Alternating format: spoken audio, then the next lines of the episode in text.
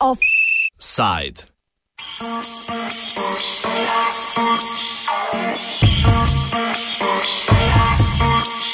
Ne nevarnih tleh.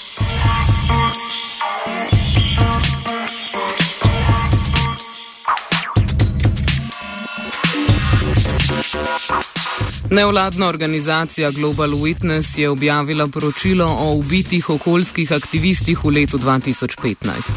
Povezavo do poročila najdete na naši spletni strani. V 16 državah so dokumentirali uboje 185 ljudi, kar pomeni, da so za ceno zaščite okolja vsak teden umrli več kot trije ljudje. Poročilo z naslovom On Dangerous Ground izpostavlja pohlepno izrabljanje naravnih dobrin, kot so les, palmovo olje in rudnine, na račun uničevanja narave. Še posebej prizadeti so ljudje, ki na teh območjih živijo, obrambo svojih domov pa v vedno več primerjih plačajo s svojimi življenji. V poročilu so navedeni tudi primeri skrivnega sodelovanja držav s korporacijami, ki imajo pogosto krat skupne interese pri izrabi naravnih virov.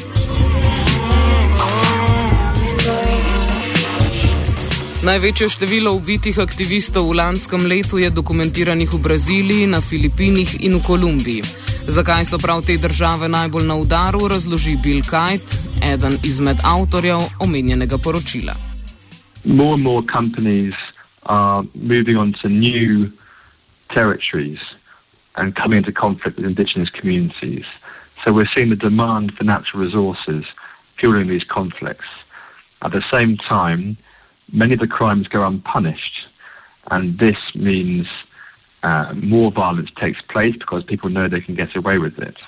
And thirdly, um, this is a symptom of the wider context of repression against activism more generally.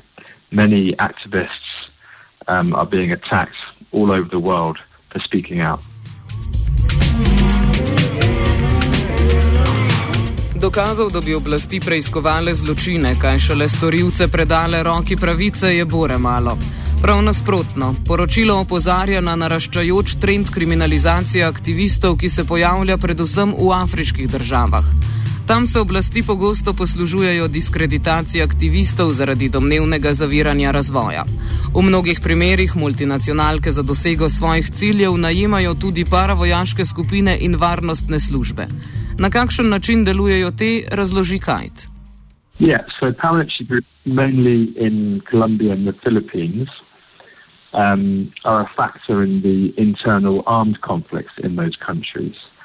So they are often used at the behest of uh, mining companies, um, as well as um, the national army and military in those countries.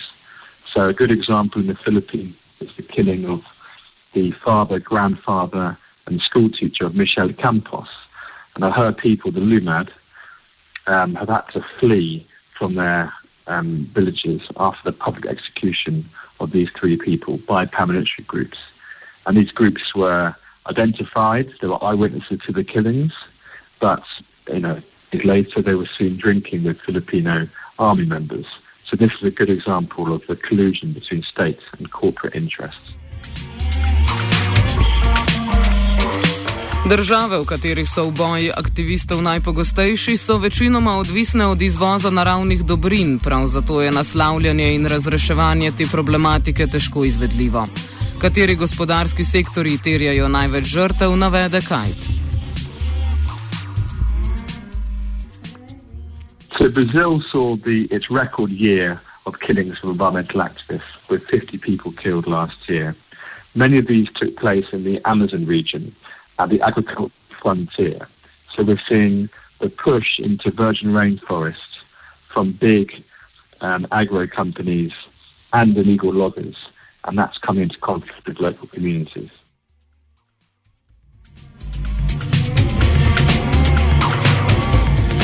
Kot je povedal Kajt, se Brazilija ponaša z naslovom neslavne rekorderke po številu ubitih okoljskih aktivistov med leti 2010 in 2015, ko je bilo teh ubitih več kot 200. Podrobneje nam je torej situacijo že obrazložil Kajt. E, mi pa bomo pravkar poslušali še, kateri gospodarski sektori torej terjajo največ žrtev. Killings linked to mining was the biggest driver of killings last year. With 42 people killed. Many of these took place in Peru and the Philippines. Um, also, um, big dam projects were linked to killings, as well as agribusiness such as palm oil and large plantations.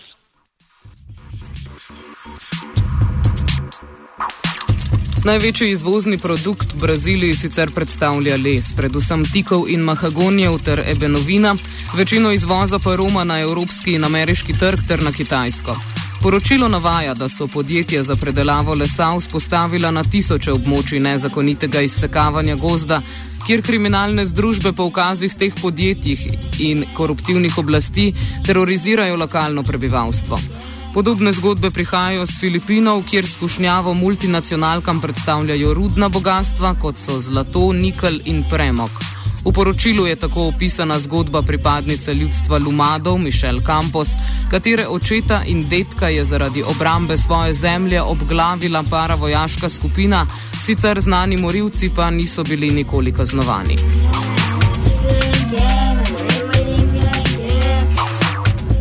To vrstni napadi in nasilja nad okoljskimi aktivisti niso nič novega.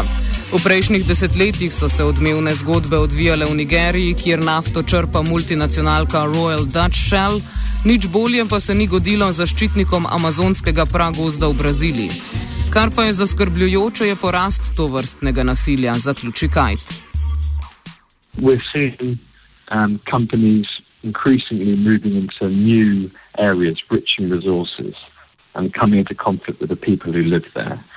We're also seeing people um, being able to get away with murder.